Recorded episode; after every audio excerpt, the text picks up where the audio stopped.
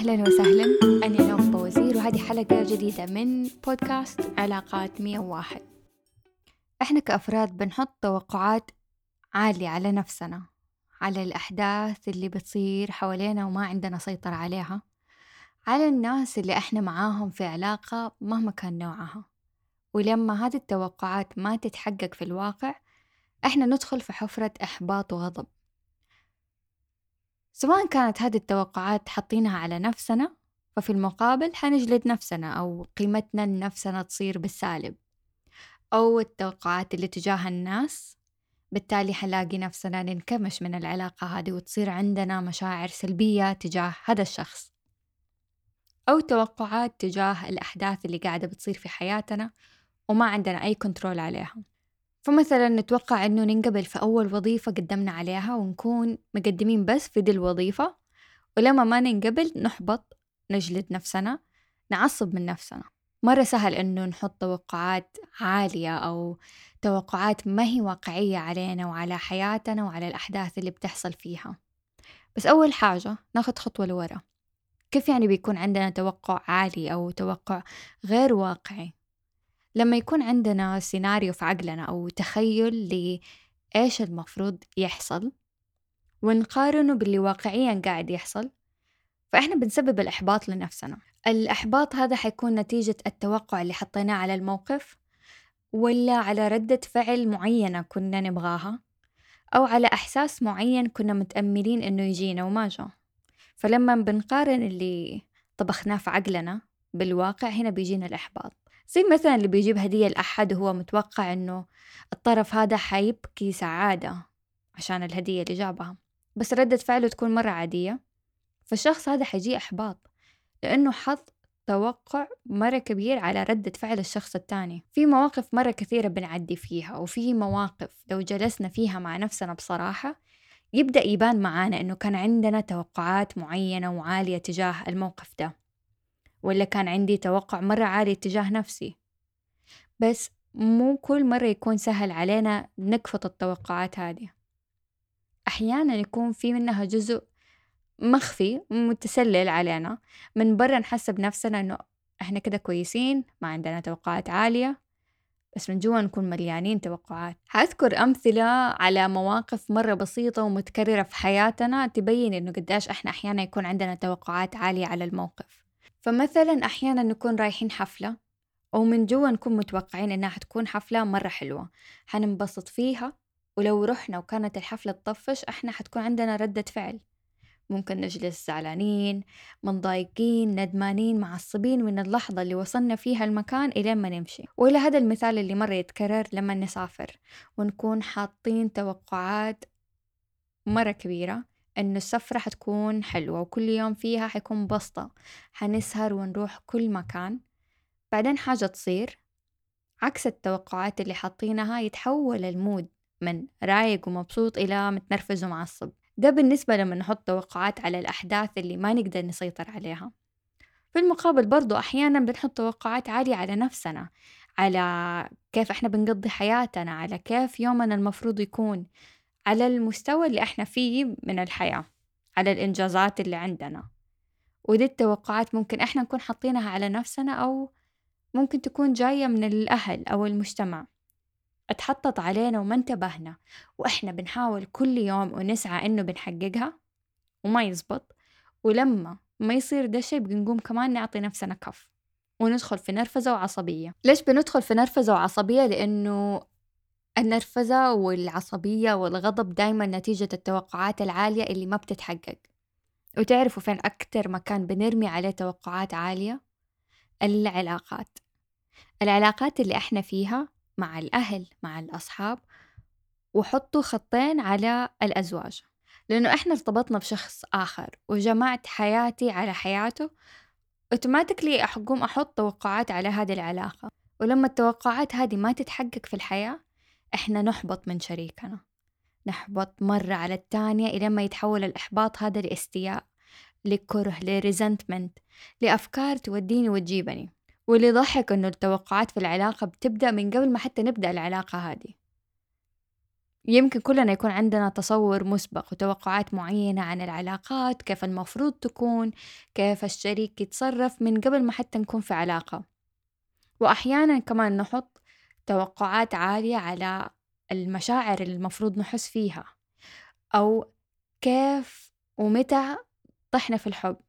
وغالبا إحنا عندنا توقعات إنه إحنا حنطيح في الحب في اللحظة اللي نشوف فيها بعض. وأحيانا نقابل أحد يكون مناسب لنا ولكن عشان في راسنا متوقعين إنه الارتباط حتى يصير لازم قبله تكون في مرحلة الوقوع في الحب والوقوع من أول نظرة. فنقرر إنه نمشي وندور على خيار تاني حيحقق التوقعات هذه. أحيانا نحط توقعات على فترة الخطوبة كيف المفروض تكون إيش نحس وإيش اللي نتوقع نسمعه أو نستقبله من الطرف التاني. نتوقع أشياء مرة كتير. قبل فترة سألت في الحساب عن التوقعات اللي عندكم تجاه العلاقة أو الشريك. والإجابات اللي وصلت كانت دليل إنه إحنا عندنا توقعات عالية. توقعات مرة عالية عن الشريك وعن العلاقة نفسها. فالإجابات كانت أتوقع إنه يفهمني أتوقع إنه يعرف أنا إيش فيا ويطبطب عليا أتوقع إنه نقضي وقت حلو مع بعض أتوقع إنه تفهم لما أكون مضغوط. بس الصراحة يعني ما كنت مرة مصدومة من الإجابات لأنه في أبحاث مرة كثيرة بتثبت إنه إحنا كبشر عندنا توقعات عالية خصوصا في العلاقات. وفي واحد من الأبحاث يبين إنه 40% من أسباب الانفصال هو توقعات عالية أو غير واقعية على العلاقة. طب من فين تجي التوقعات هذه؟ خصوصا توقعات العلاقات.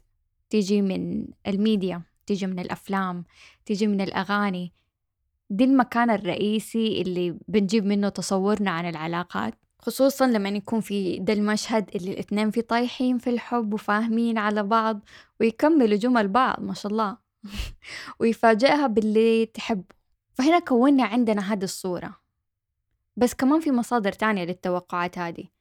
ال social media لو ما انتبهنا وكنا واعيين إحنا حناخد منها توقعات عالية عن العلاقات. وننسى إنه في جزء كبير من الصورة والحياة ما هو ظاهر لنا. تجارب الناس. ترسم في بالنا توقعات عالية. خصوصا لأنه ما نعرف كل حاجة مو كل حاجة يتم بي يعني مو كل شيء بيشاركوه معانا. والجزء اللي يتشارك معانا أحيانا يكون هو ال highlight أو هو أفضل حاجة في علاقتهم ومو كل شيء. وبرضه في مصدر تاني للتصورات هذه.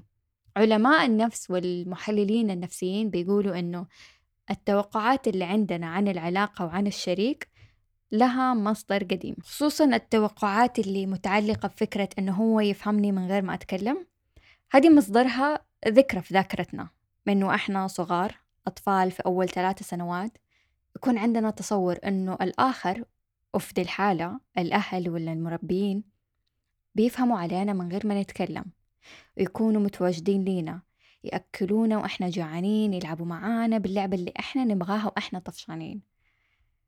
فتعدي الأيام ومستقبلا ندخل في علاقة ونحاول نسقط الذكرى هذه على الواقع اللي إحنا قاعدين نعيشه.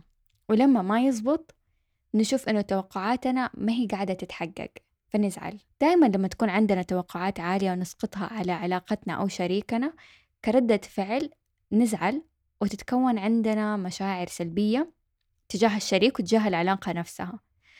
وتتحول إلى أفكار اللي هو أو هي ما تحبني أو هي ما هي مهتمة فيا. أو الفكرة الثانية الأخطر اللي هو شكله إحنا مو مناسبين لبعض. حتى لو كل المواقف الأيام اللي فاتت كلها كانت موضحة إنه لا أنتم مناسبين لبعض ولكن بسبب إنه التوقعات العالية هذه أثرت على العلاقة بإنها بدلت مشاعر الحب إلى مشاعر كره وريزنتمنت مشاعر استياء. فبمجرد ما الشيء اللي أنت كشخص كنت حاطط توقع عالي عليه وما صار ده الموضوع حيكون السم في علاقتكم لو ما انتبهتوا عليه. ما في حاجة تسبب إحباط في العلاقة زي التوقعات اللي نحطها على الشريك وعلى العلاقة نفسها. وأحيانا التوقعات هذه يا إما تكون عالية وما هي واقعية أو تكون واقعية جدا بس ما كان في تواصل ما شرحنا اللي, اللي في بالنا اللي نفسنا فيه. فمثلا نتوقع إنه الشريك حيفهم علي من غير ما أتكلم هذا توقع ما هو واقعي حطيناه على العلاقة. إنك تتوقعي إنه شريكك حيحتفل بالعيد بالشكل اللي أنتِ متعودة عليه من غير ما تقولي له، برضه هذا شيء غير واقعي، إنه تتوقع إنه شريكتك حتعرف إنه يومك كان مضغوط وتجلس هي مع الأطفال بدل ما أنت تجلس معاهم بس من غير ما تتكلم عن ده الشيء برضه ما هو واقعي، في دي المواقف البسيطة يكون فيها توقعات مخفية وما واجهناها ولا حتى كنا منتبهين عليها، بس الإشارة الرئيسية اللي تساعدكم تعرفوا إنه في دي المواقف حتحسوا بمشاعر سلبية واستياء من الشريك. ممكن تحسوا بعدم تقدير بنرفزة بعصبية ولا ليش هو ما هو راضي يفهم؟ ولا هي المفروض تعمل كده؟ أول ما نسمع في راسنا هو المفروض هي المفروض أعرفوا إنه في وراها توقعات معينة إحنا حاطينها. ولما التوقع ما يتماشى مع الواقع حيسبب إحباط. ولما التوقع على الشريك ما يتماشى مع الواقع يسبب استياء. طيب هل هذا معناه إنه ندخل العلاقة ونكون فيها من غير أي توقعات؟ لا الفرق بس إنه تكون عندنا توقعات واقعية. فمثلا من التوقعات الواقعية واللي مهمة تكون في أي علاقة إنه أتوقع إنه أحس بالأمان النفسي والجسدي في العلاقة. أتوقع الاحترام. أتوقع إنه إحنا الاثنين نساهم في بناء العيلة. أتوقع إنه يكون في عدل بيننا. بمعنى إنه كل واحد مننا ما يحس إنه مظلوم في هذه العلاقة في آخر اليوم. ولو حاس تكلم في ذا الموضوع. في المقابل في توقعات غير واقعية. ومنها مثلا أتوقع إنه إحنا الاثنين حنحب نفس الأشياء أو عندنا نفس الذوق. أتوقع إنه إحنا الاثنين حنقدر نفس المناسبات. أتوقع إنه شريكي حيفهمني ويعرف أنا إيش أبغى من غير ما أتكلم. أتوقع إنه شريكي يكون متفرغ لي مية في المية في أغلب الوقت. أتوقع إنه شريكي بيعبي كاستي ويخليني أحس بقيمتي ولا التوقع المؤلم واللي بيخرب العلاقات هو أتوقع إنه إحنا لأننا نحب بعض ما حيكون بيننا أي خلاف أبدا أبدا فالناس اللي تتوقع هذا الشيء بمجرد ما يصير بينهم أي أول خلاف وحيصير الخلاف يبدأوا ينصدموا وتبدأ عندهم هذه الأفكار اللي هل إحنا ما إحنا مناسبين لبعض؟ بمجرد إنهم حطوا توقع مرة عالي على العلاقة. هذه الأفكار ودي التوقعات اللي ما هي واقعية حتأثر على نظرتكم لعلاقتكم بشكل سلبي. التوقعات متعبة سواء كانت على نفسنا أو على شريكنا أو على العلاقة مرة متعبة ولها تأثير على نفسنا وعلى مشاعر الحب اللي بيننا. تحتاج مننا نكون واعيين وتحتاج مننا نشيك ونواجه نفسنا ونسأل هل توقعي هذا واقعي ولا لا؟ فمثلا هل هو شيء واقعي إنه أنا أبغى شريكي يفهم علي من غير ما أتكلم؟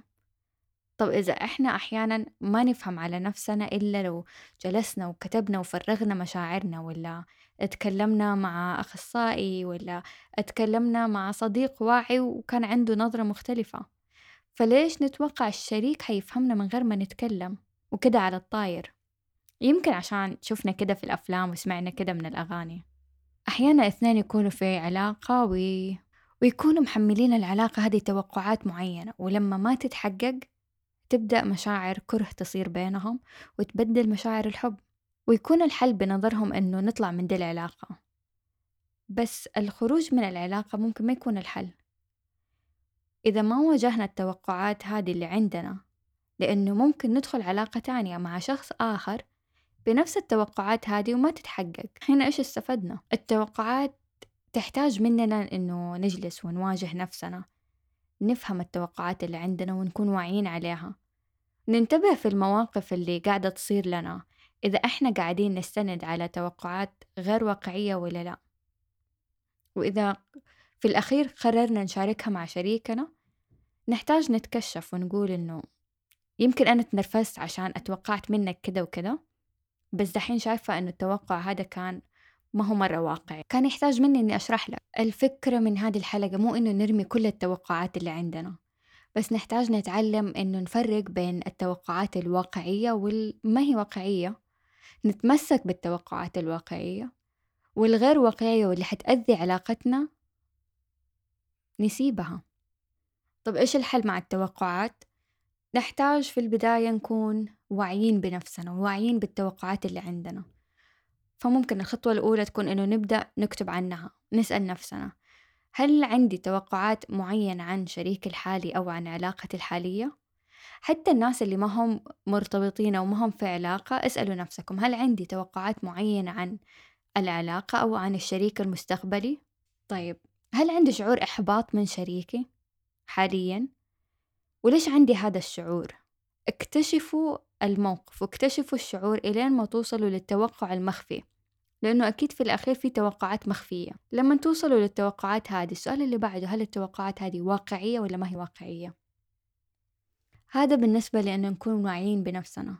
الخطوة الثانية الامتنان. نكتب إيش الأشياء اللي ممتنين للعلاقة هذه أو ممتنة لشريكي لها. عشان زي ما قلت لكم التوقعات أحيانا تبدل نظرتنا للعلاقة ونظرتنا للشريك من نظرة مليانة حب إلى نظرة فيها كره فيها أستياء وفيها ريزنتمنت فلما نجلس ونكتب امتناننا إحنا كده نبدأ نشوف الجانب التاني من العلاقة اللي التوقعات ما خلتنا نشوفه. وفي الأخير التواصل أتواصل مع شريكي أشرح التوقعات اللي عندي. لأنه زي ما قلت في توقعات تكون مرة واقعية بس المشكلة إنه احتفظنا فيها في عقلنا. تحتاج مننا هذه هذه التوقعات إنه نتكشف ونتكلم عنها ونشاركها مع الشريك. بعد هذا كله أتأملوا في إجاباتكم وشوفوا إيش اللي ممكن تتعلموا منه بناء على الأشياء اللي كتبتوها. أحد الأصدقاء في حوار صار مؤخرا قال إنه قال إنه التوقعات العالية تمنعنا نكون ممتنين وراضيين. وأضيف عليها إنها تسرق من حياتنا تسرق من تجاربنا وتسرق من مشاعر الحب وتحولها مشاعر سلبية. طيب هذه كانت نهاية الحلقة. مرة شكرا لكل أحد قاعد يسمع ويدعم البودكاست. وإلين ما ألقاكم في الربوع الجاي انشروا شوية حب ودعم لينا. انشروا البودكاست في كل group عندكم وتواصلوا معنا على ال social media. ولا تنسوا تقيموا الحلقات السابقة في كل المنصات. وعلى فكرة إحنا موجودين في Patreon تقدروا تدعموا البودكاست وفي المقابل حتقدروا تطلعوا على مواد إضافية ومواضيع إضافية وكمان اللقاءات الشهرية اللي قريبا حنطلقها. دعمكم هذا حيساعدنا نغطي تكاليف الإنتاج ويساعد أنه الحلقات هذه تستمر. وصدقوني ما حتندموا.